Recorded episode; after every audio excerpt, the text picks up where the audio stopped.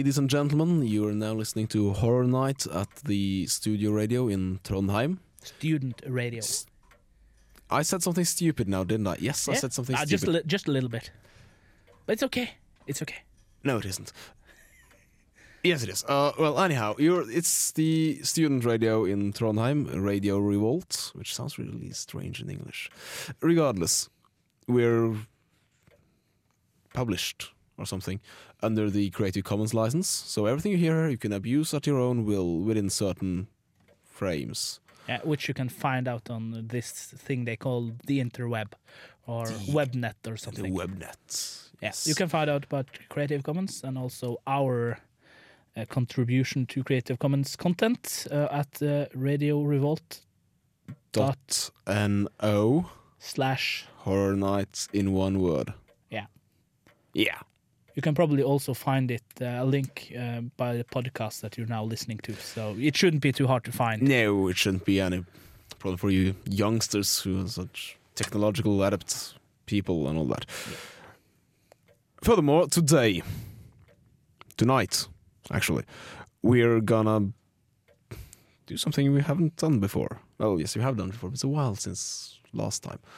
We're gonna have a whole show without an actual theme. Yeah, we have been quite rigorously with having team themes uh, of late.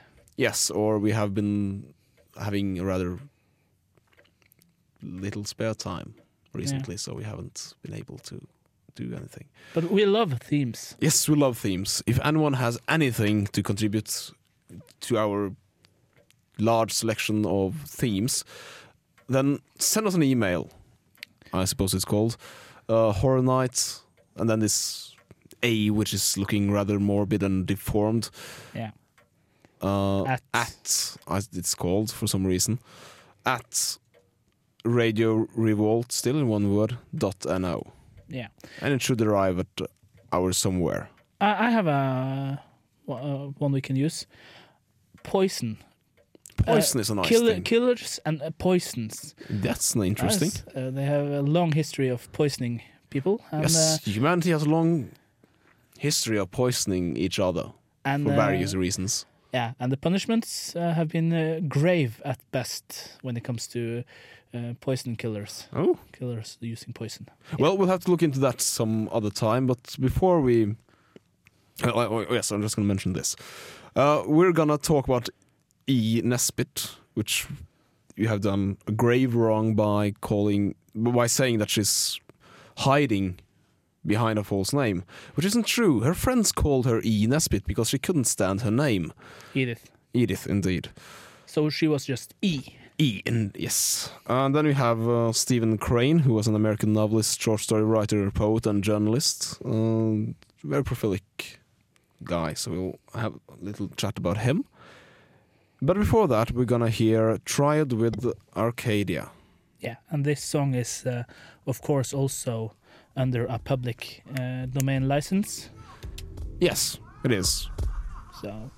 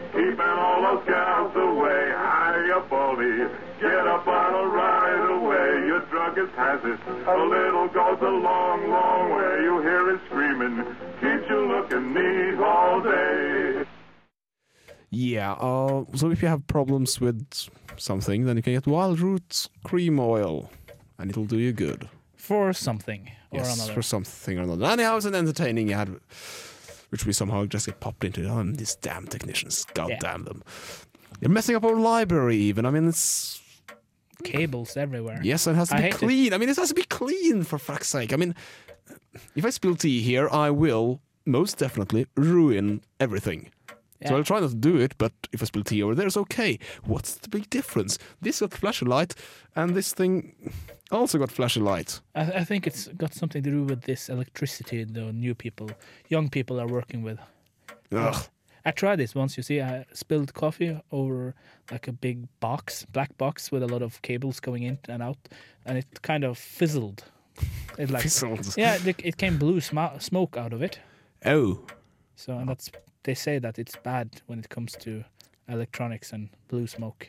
Blue, blue smoke is usually quite bad. Huh. Anyhow, before we go too deep into the various dangers of the blue smoke, which we don't really know anything about, so we have to contact a professor about that. We will have a little look into who this Stephen Crane person is. Uh, we'll hear a, ghoul, a ghoul's accountant shortly. And a few biological facts about Mr. Crane. He was born in in 1871, November the 1st, died. No, actually, he snuffed it. That's a much better word. Snuffed it in June the 5th, 1900. Yeah, so it's hundred and ten years ago, almost. Yes, short while. If it's if the year is 2010 when we do this recording, which it's not because it's 1950, just so you know it. No, it's 1951, you moron. Oh, sorry about that. 1951. It's the 5th of May, 1951. But Crane. Uh, Yes, Crane. more about him? Yes, he's. uh, writer of notable works within the realistic tradition, uh, which figures in my mind more as he writes as an realist, but not about realistic things. Okay, it's confusing me. Uh, listen to the story and you'll realize what I mean in a while. Or you can hear what you have to say about it afterwards, because then we might dwell more on this. Anyhow, A Ghoul's Accountant by Stephen Crane. A Ghoul's Accountant by Stephen Crane. In a wilderness, sunlight is noise. Darkness is a great, tremendous silence, accented by small and distant sounds. The music of the wind in the trees is songs of loneliness, hymns of abandonment, and lays of the absence of things congenial and alive. Once a campfire lay dying in a fit of temper. A few weak flames struggled cholerically among the burned out logs. Beneath, a mass of angry, red coals glowered and hated the world. Some hemlocks sighed and sung, and a wind purred in the grass. The moon was looking through the locked branches at four imperturbable bundles of blankets which lay near the agonized campfire. The fire groaned in its last throes, but the bundles made no sign. Off in the gloomy unknown, a foot fell upon a twig. The laurel leaves shivered at the stealthy passing of danger. A moment later, a man crept into the spot of dim light. His skin was fiercely red and his whiskers infinitely black. He gazed at the four passive bundles and smiled a smile that curled his lips and showed yellow, disordered teeth. The campfire threw up two lurid arms and, quivering, expired. The voices of the trees grew hoarse and frightened. The bundles were stolid. The intruder stepped softly nearer and looked at the bundles. One was shorter than the others. He regarded it for some time motionless. The hemlocks quavered nervously and the grass shook. The intruder slid to the short bundle and touched it. Then he smiled. The bundle partially upreared itself, and the head of a little man appeared. Lord, he said. He found himself looking at the grin of a ghoul condemned to torment. Come, croaked the ghoul. What? said the little man. He began to feel his flesh slide to and fro on his bones as he looked into this smile. Come, croaked the ghoul. What? the little man whimpered. He grew gray and could not move his legs. The ghoul lifted a three-pronged pickerel spear and flashed it near the little man's throat. He saw menace on its points. He struggled heavily to his feet. He cast his eyes upon the remaining mummy-like bundles, but the ghoul confronted his face with the spear. Where? shivered the little man. The ghoul turned and pointed into the darkness. His countenance shone with lurid light of triumph. Go, he croaked. The little man blindly staggered in the direction indicated. The three bundles by the fire were still immovable. He tried to pierce the cloth with a glance and opened his mouth to whoop, but the spear ever threatened his face. The bundles were left far in the rear, and the little man stumbled on alone with the ghoul. Tangled thickets tripped him, saplings buffeted him, and stones turned away from his feet. Blinded and badgered, he began to swear frenziedly. A foam drifted to his mouth, and his eyes glowed with a blue light. Go on, thunderously croaked the ghoul. The little man's blood turned to salt. His eyes began to decay and refused to do their office. He fell from gloom to gloom. At last a house was before them. Through a yellow papered window shone an uncertain light. The ghoul conducted his prisoner to the uneven threshold and kicked the decrepit door. It swung groaning back, and he dragged the little man into a room. A soiled oil lamp gave a feeble light that turned the pine board walls and furniture a dull orange. Before a table sat a wild grey man. The ghoul threw his victim upon a chair and went and stood by the man. They regarded the little man with eyes that made wheels revolve in his soul. He cast a dazed glance about the room and saw vaguely that it was dishevelled as from a terrific scuffle. Chairs lay shattered, and dishes in the cupboard were ground to pieces. Destruction had been present. There were moments of silence. The ghoul and the wild grey man contemplated their victim. A throe of fear passed over him, and he sank limp in his chair. His eyes swept feverishly over the faces of his tormentors. At last the ghoul spoke. Well, he said to the wild grey man. The other cleared his throat and stood up.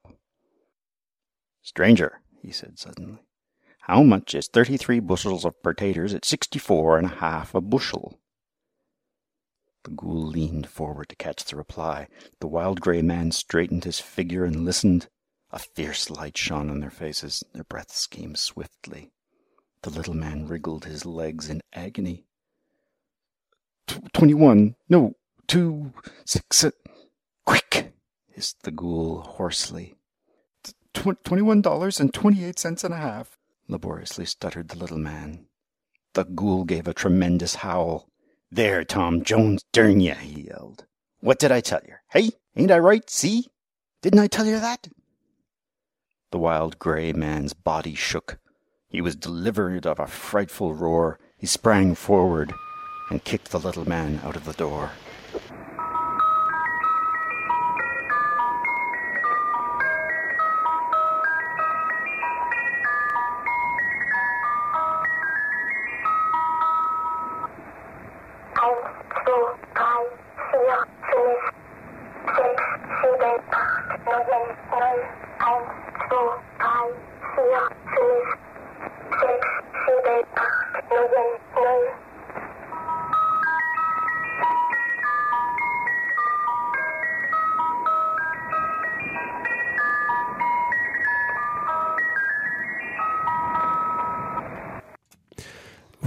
Quite sure what that is, but it's popping up every time, every now and then actually. So we suppose it's supposed to be like this, but we're not. No, Our technicians are scratching their head over that thing, so well, we suppose it's. it's not my fault. I haven't been close to the thing with my coffee cup today. Well, I have been close with a teacup, but I didn't spill anything. Maybe it reacts to the just mere presence of wet stuff. Eh, perhaps. But there's blood in our veins, so why should it?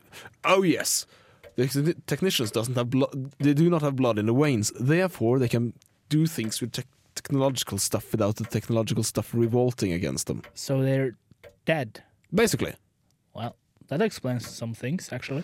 yes, So, but uh, a ghoul's accountant. yes. A ghoul's accountant. It's um, in many ways a quite interesting piece.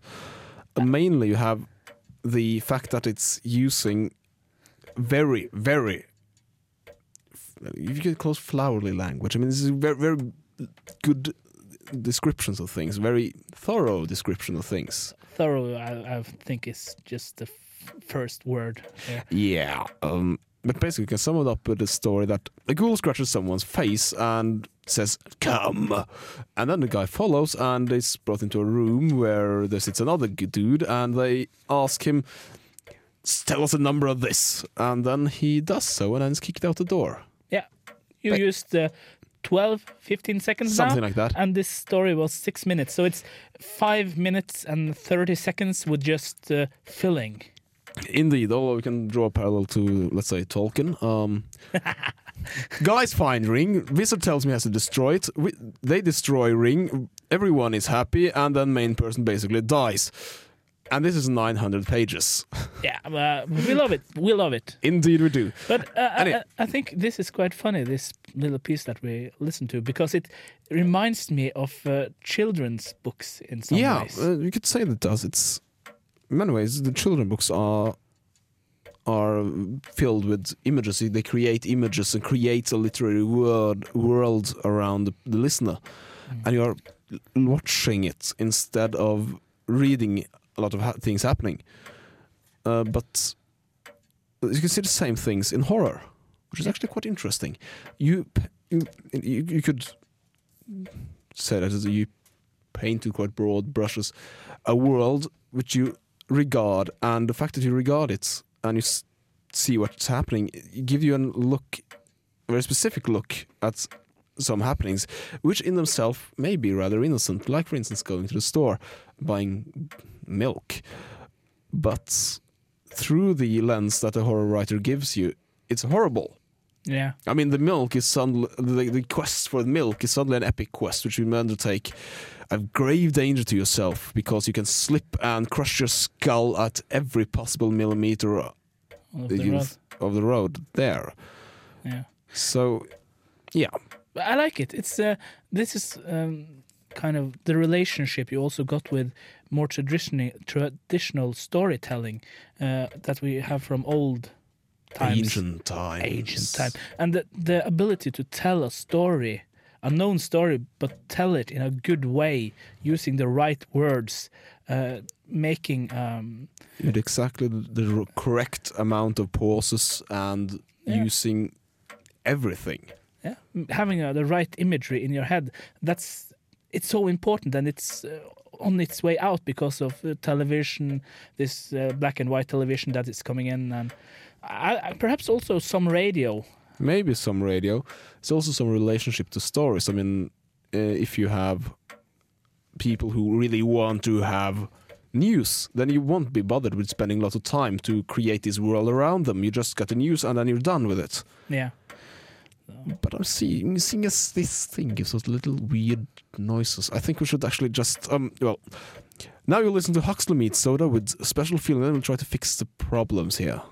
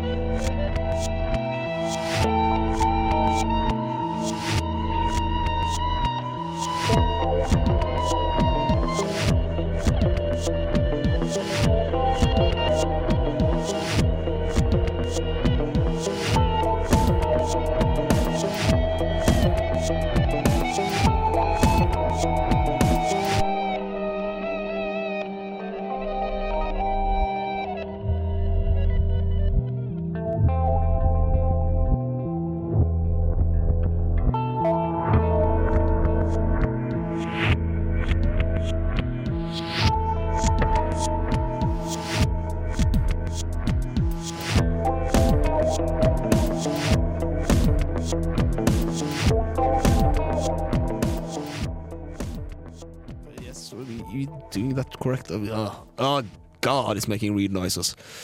Dear God, blue smoke. Oh, mm, mm. And the smoke, the, the smoke, it's not a problem. It's the smell. Yes, it smells acrid and Yeah. oh, nasty. We need to get technicians to look at this. Too bad they left for the day, lazy buggers they are. Uh, I like not electronics. I like old-fashioned mechanics. Mechanics is the thing. Mechanics is good stuff. It doesn't do things you don't want it to. Well, well, um, you're on the air, aren't we? Yeah, I think so. Oh, bugger. Oh, well, yes, you're still listening to Horror Night, and we're talking about um, Stephen Crane and Edith Nesbit, who prefer to be called E. Nesbit. E. Nesbit, uh, there's actually, I noticed a similarity between the two. Just now, I just caught, my, my, caught a thought in my mind or something. something. Um, they both use more or less the same language. Yes. They have the same way to use language. They conjure up an image, and that's the great thing about them. Uh, which also reflects the the um, children's stories which you mentioned. Yeah. Nesbit wrote about forty books for children. Oh, oh, that's cool. That's quite cool. So she's in that regard linked Mm. to uh, Crane, and then we actually have a theme for this broadcast as well, which is Oh, rather weird. We didn't.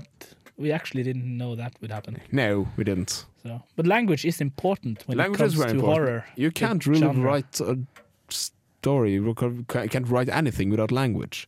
Well, you, can't, you can write mumbo jumbo, but still. Yeah, but uh, it's so important in horror literature to get the person into the story, Mm. to have them make their own imagery in their mind. And in many cases, uh, at least in my case, I scare myself to death. Yeah, Well, not literally, but you know, you're still here, so I'm still here. look at the little tail, though. Yeah, I know. Anyhow, um, the, as we said, it's uh, very important for many genre, genres to use language correctly, but mostly for horror and also ch- uh, children's stories. Uh, to create a special feeling over everything. So, yeah, things are kept horror. Should you uh, then give your children horror literature? Should you Yes, read you should. to your three-year-old uh, daughter or son about H.P. Lovecraft, for instance? Yes, you should. If you want a mentally deranged kid who will probably kill you before they're 10. Yeah. So we don't take responsibility for uh, if you uh, give horror literature to your young children. We don't take responsibility for anything that happens to you after listening to this show or during listening to this show. No, that, actually, that's quite good. Yes, um, my name ha- has been, will be, and still is Hans Kvansli, and with me I have, Trond Borgård. and you'll be listening to Horror Night at the student radio in Trondheim, Radio Revolt. Now we'll hear the Ebony Frame by E. Nesbit, who actually was called Edith and was born in the 1800s. We like her. We like her a great deal. I know I'm just slaughtering time again.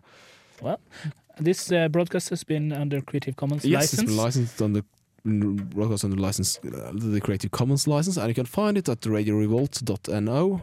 Here comes the Ebony Frame by E. Nesbit. Good night. The Ebony Frame by E. Nesbit. To be rich is a luxurious sensation. The more so when you have plumbed the depths of hard upness as a Fleet Street hack, a picker up of unconsidered pars, a reporter, an unappreciated journalist, all callings utterly inconsistent with one's family feeling and one's direct descent from the Dukes of Picardy. When my Aunt Dorcas died, and left me seven hundred a year and a furnished house in Chelsea, I felt that life had nothing left to offer except immediate possession of the legacy. Even Mildred Mayhew, whom I had hitherto regarded as my life's light, became less luminous. I was not engaged to Mildred, but I lodged with her mother, and I sang duets with Mildred, and gave her gloves when it would run to it, which was seldom. She was a dear, good girl, and I meant to marry her some day. It is very nice to feel that a good little woman is thinking of you. It helps you in your work, and it is pleasant to know she will say yes when you say, Will you? But my legacy almost put Mildred out of my head, especially as she was staying with friends in the country. Before the gloss was off my new morning, I was seated in my aunt's armchair, in front of the fire, in the drawing room of my own house. My own house. It was grand, but rather lonely. I did think of Mildred just then. The room was comfortably furnished with rosewood and damask.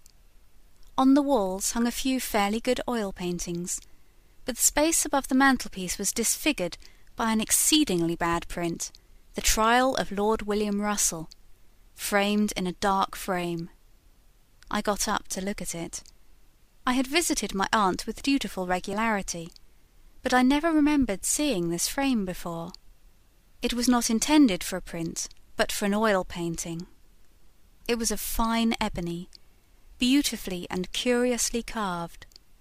I looked at it with growing interest, and when my aunt's housemaid I had retained her modest staff of servants came in with the lamp, I asked her how long the print had been there. Mistress only bought it two days before she was took ill, she said. But the frame, she didn't want to buy a new one, so she got this out of the attic. There's lots of curious old things there, sir. Had my aunt had this frame long? Oh, yes, sir. It must have come long before I did, and I've been here seven years come Christmas. There was a picture in it. That's upstairs too, but it's that black and ugly it might as well be a chimney back. I felt a desire to see this picture. What if it was some priceless old master, in which my aunt's eyes had only seen rubbish? Directly after breakfast next morning, I paid a visit to the attic. It was crammed with old furniture enough to stock a curiosity shop. All the house was furnished solidly in the mid Victorian style, and in this room everything not in keeping with the drawing room suite ideal was stowed away. Tables of papier mache and mother of pearl, straight back chairs with twisted feet and faded needlework cushions, fire screens of gilded carving and beaded banners, oak bureau with brass handles, a little work table with its faded moth eaten silk flutings hanging in disconsolate shreds. On these, and the dust that covered them, blazed the full sunlight as I pulled up the blinds. I promised myself a good time in re enshrining these household gods in my parlour and promoting the Victorian suite to the attic. But at present my business was to find the picture as black as the chimney back, and presently, behind a heap of fenders and boxes, I found it. Jane, the housemaid, identified it at once. I took it downstairs carefully and examined it. Neither subject nor colour was distinguishable. There was a splodge of a darker tint in the middle, but whether it was figure, or tree, or house, no man could have told. It seemed to be painted on a very thick panel bound with leather. I decided to send it to one of those persons who pour on rotting family portraits the water of eternal youth. But even as I did so, I thought, why not try my own restorative hand at a corner of it? My bath sponge, soap, and nail brush, vigorously applied for a few seconds, showed me that there was no picture to clean. Bare oak presented itself to my persevering brush.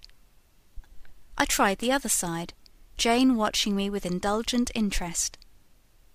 The same result. Then the truth dawned on me.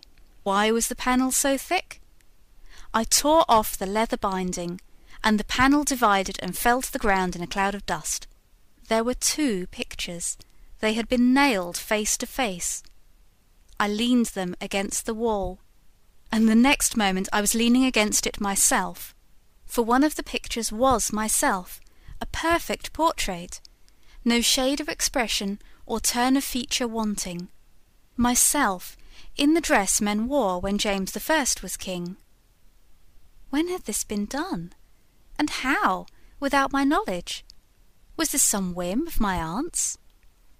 Lor, sir! The shrill surprise of Jane at my elbow. What a lovely photo it is! Was it fancy ball, sir? Yes, I stammered. I. I don't think I want anything more now. You can go. She went, and I turned, still with my heart beating violently, to the other picture. This was a beautiful woman's picture. Very beautiful she was.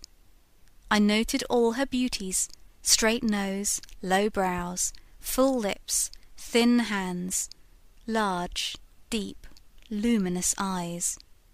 She wore a black velvet gown. It was a three quarter length portrait. Her arms rested on a table beside her, and her head on her hands, but her face was turned full forward, and her eyes met those of the spectator bewilderingly. On the table by her were compasses, and shining instruments whose uses I did not know, books, a goblet, and a heap of papers and pens. I saw all this afterwards. I believe it was a quarter of an hour before I could turn my eyes from her. I have never seen any other eyes like hers. They appealed as a child's or a dog's do.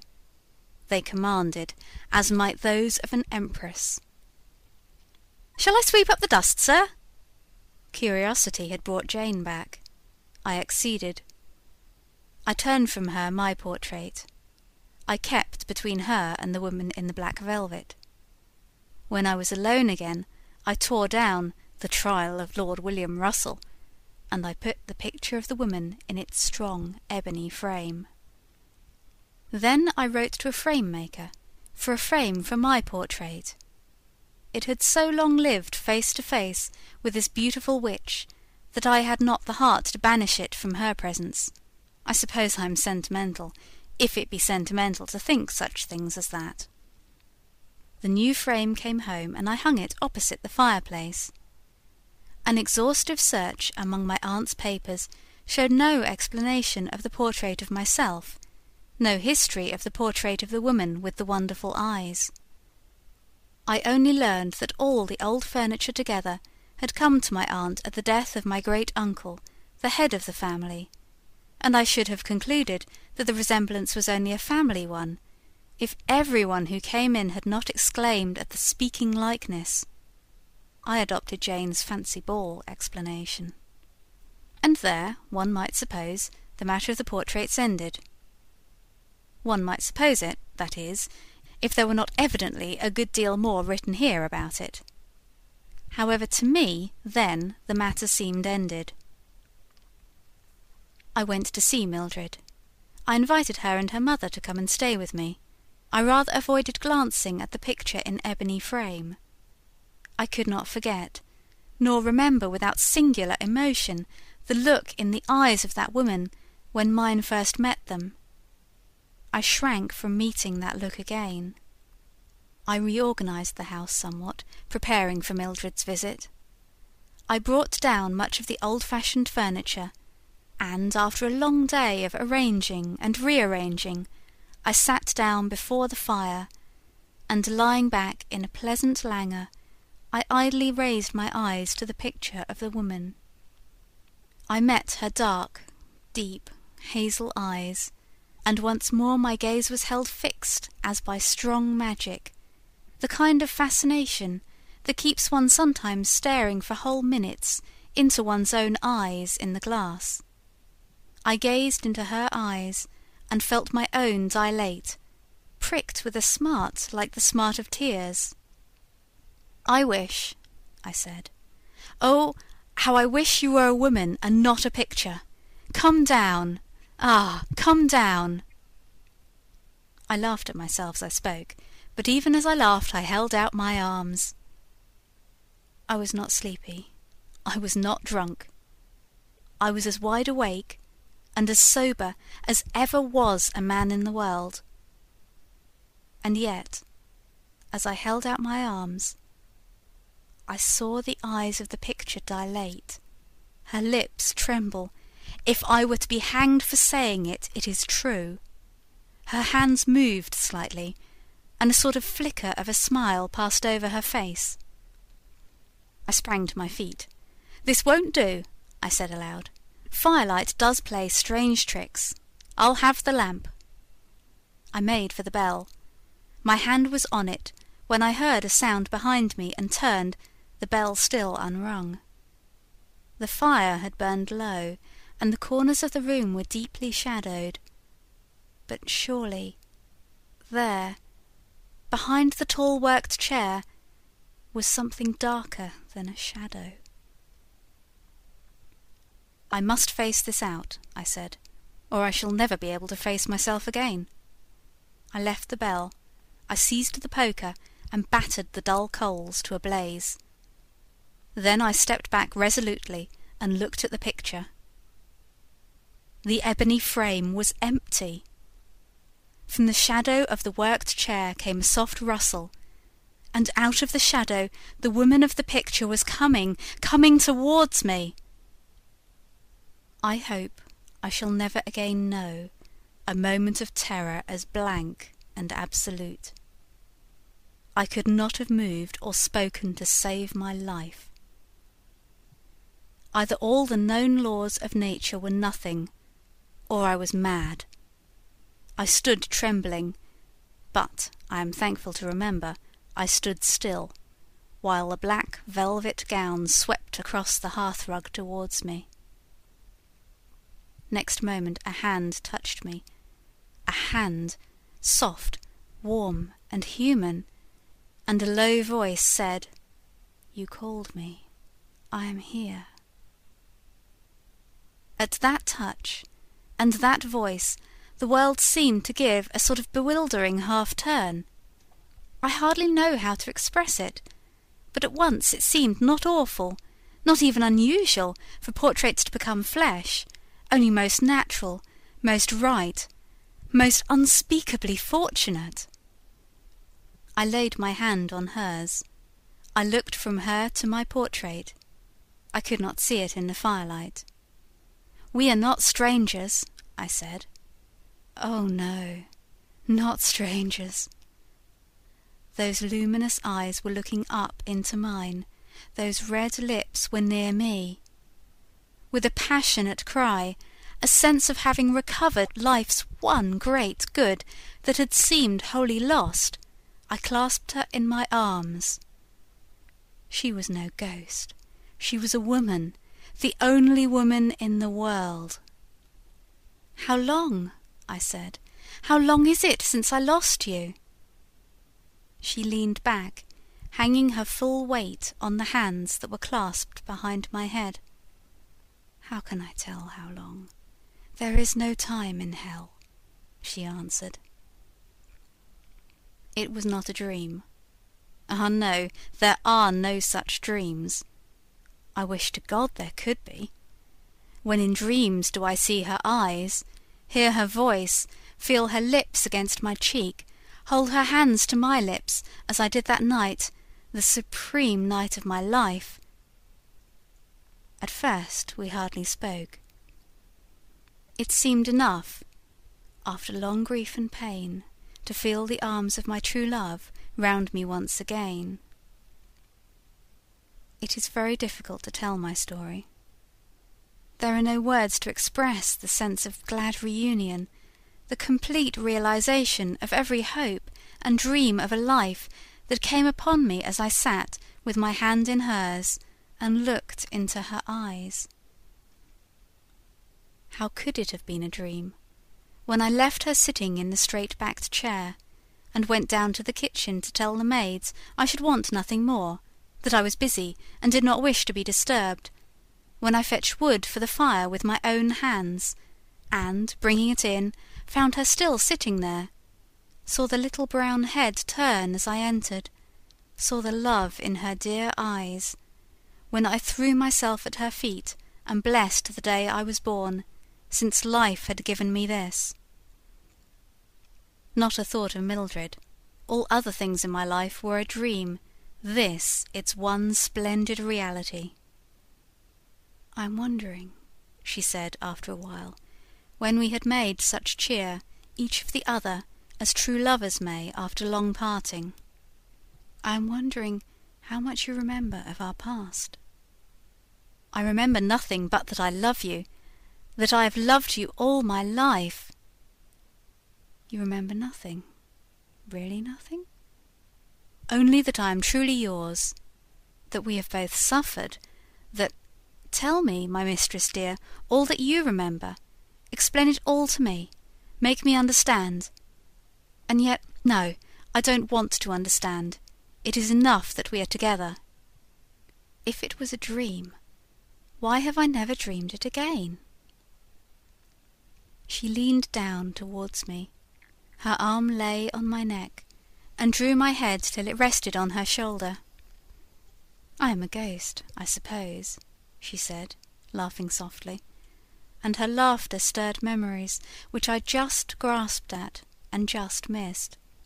But you and I know better, don't we? I will tell you everything you have forgotten. We loved each other. Ah, no, you have not forgotten that. And when you came back from the wars, we were to be married. Our pictures were painted before you went away. You know I was more learned than women of that day. Dear one, when you were gone, they said I was a witch. They tried me. They said I should be burned. Just because I had looked at the stars and gained more knowledge than other women, they must needs bind me to a stake and let me be eaten by the fire. And you, far away. Her whole body trembled and shrank. Oh, love, what dream would have told me that my kisses would soothe even that memory?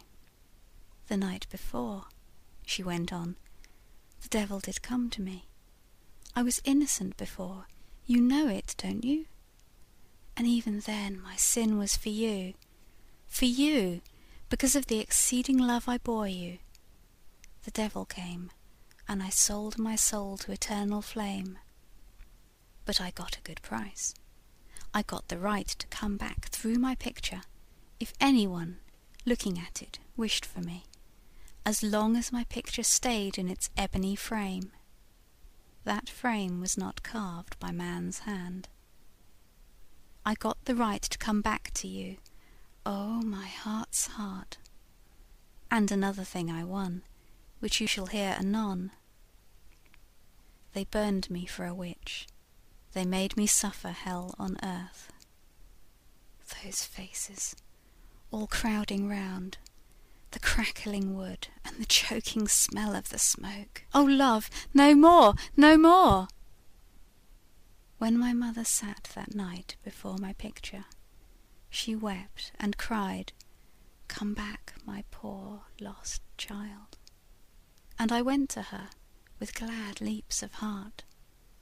Dear, she shrank from me, she fled, she shrieked and moaned of ghosts.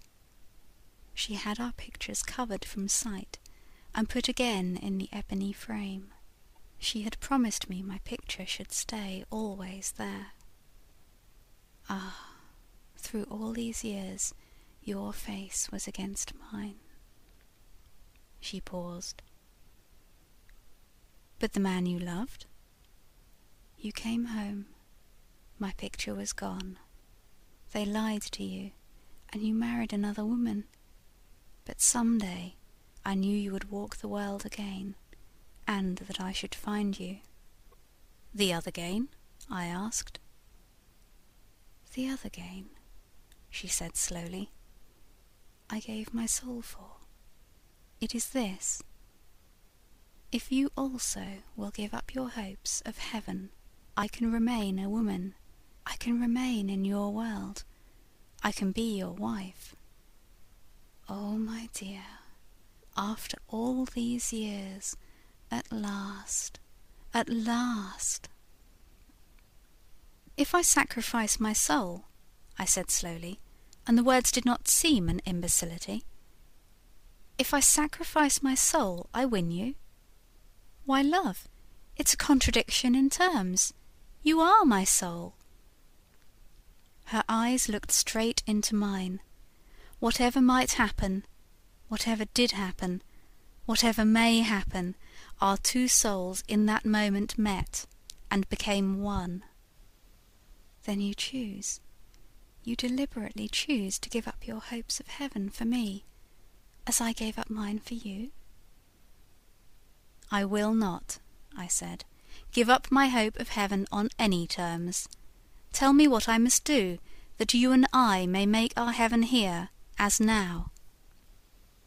I will tell you tomorrow, she said. Be alone here tomorrow night. Twelve is ghost's time, isn't it? And then I will come out of the picture, and never go back to it. I shall live with you, and die, and be buried, and there will be an end of me. But we shall live first, my heart's heart. I laid my head on her knee. A strange drowsiness overcame me. Holding her hand against my cheek, I lost consciousness. When I awoke, the grey November dawn was glimmering, ghost like, through the uncurtained window. My head was pillowed on my arm and rested. I raised my head quickly. Ah, not on my lady's knee, but on the needle-worked cushion of the straight-backed chair. I sprang to my feet. I was stiff with cold and dazed with dreams, but I turned my eyes on the picture. There she sat, my lady, my dear love. I held out my arms, but the passionate cry I would have uttered died on my lips. She had said twelve o'clock. Her lightest word was my law. So I only stood in front of the picture and gazed into those grey green eyes till tears of passionate happiness filled my own. Oh, my dear, my dear, how shall I pass the hours till I hold you again? No thought, then, of my whole life's completion and consummation being a dream. I staggered up to my room, fell across my bed, and slept heavily and dreamlessly. When I awoke, it was high noon. Mildred and her mother were coming to lunch. I remembered, at one o'clock, Mildred coming, and her existence. Now indeed the dream began. With a penetrating sense of the futility of any action apart from her, I gave the necessary orders for the reception of my guests. When Mildred and her mother came, I received them with cordiality, but my genial phrases all seemed to be someone else's. My voice sounded like an echo. My heart was not there. Still, the situation was not intolerable until the hour when afternoon tea was served in the drawing room. Mildred and mother kept the conversational pot boiling with a profusion of genteel commonplaces, and I bore it, as one in sight of heaven can bear mild purgatory.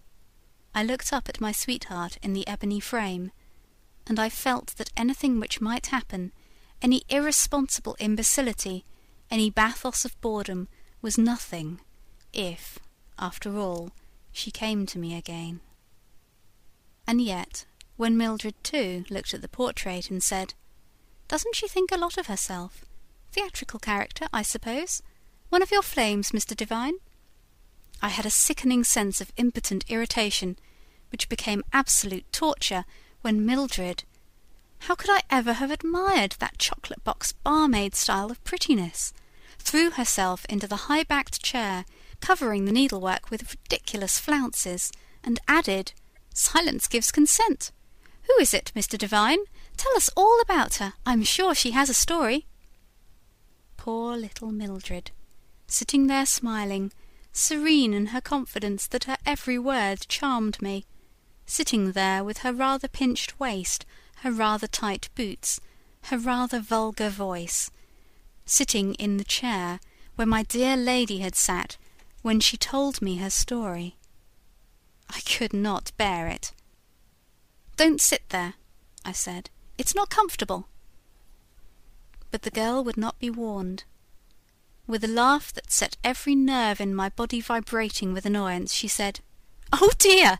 Mustn't I even sit in the same chair as your black velvet woman? I looked at the chair in the picture. It was the same, and in her chair Mildred was sitting. Then a horrible sense of the reality of Mildred came upon me. Was all this a reality after all? But for fortunate chance, might Mildred have occupied, not only her chair, but her place in my life? I rose. I hope you won't think me very rude, I said, but I'm obliged to go out. I forget what appointment I alleged, the lie came readily enough. I faced Mildred's pouts with the hope that she and her mother would not wait dinner for me. I fled. In another minute I was safe, alone, under the chill, cloudy autumn sky, free to think, think, think of my dear lady. I walked for hours along streets and squares. I lived over and over again every look, word, and hand touch, every kiss. I was completely, unspeakably happy. Mildred was utterly forgotten. My lady of the ebony frame filled my heart and soul and spirit. As I heard eleven boom through the fog, I turned and went home. When I got to my street, I found a crowd surging through it, a strong red light filling the air. A house was on fire. Mine! I elbowed my way through the crowd. The picture of my lady, that at least I could save. As I sprang up the steps, I saw, as in a dream, yes, all this was really dreamlike, I saw Mildred leaning out of the first floor window, wringing her hands. Come back, sir, cried a fireman. We'll get the young lady out right enough. But my lady! The stairs were crackling, smoking, and as hot as hell. I went up to the room where her picture was. Strange to say, I only felt that the picture was a thing we should like to look on, through the long, glad, wedded life that was to be ours. I never thought of it as being one with her. As I reached the first floor, I felt arms about my neck. The smoke was too thick for me to distinguish features. Save me, a voice whispered. I clasped a figure in my arms and bore it with a strange disease down the shaking stairs and out into safety. It was Mildred. I knew that directly I clasped her. Stand back! cried the crowd. Everyone safe! cried a fireman. The flames leaped from every window. The sky grew redder and redder. I sprang from the hands that would have held me. I leaped up the steps. I crawled up the stairs. Suddenly, the whole horror came to me. As long as my picture remains in the ebony frame. What if picture and frame perished together? I fought with the fire, and with my own choking inability to fight with it. I pushed on. I must save my picture. I reached the drawing room. As I sprang in, I saw my lady, I swear it, through the smoke and the flames, hold out her arms to me, to me, who came too late to save her, and to save my own life's joy. I never saw her again. Before I could reach her, or cry out to her, I felt the floor yield beneath my feet, and I fell into the flames below.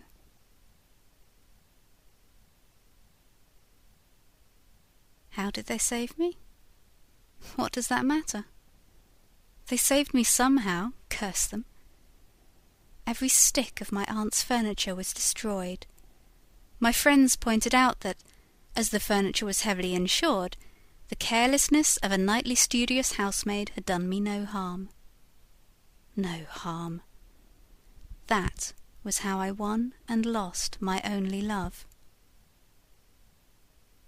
I deny, with all my soul in the denial, that it was a dream. There are no such dreams. Dreams of longing and pain there are in plenty, but dreams of complete, of unspeakable happiness. Ah, no, it is the rest of life that is the dream. But if I think that, why have I married Mildred and grown stout and dull and prosperous? I tell you, it is all this that is the dream. My dear lady only is the reality. And what does it matter what one does in a dream?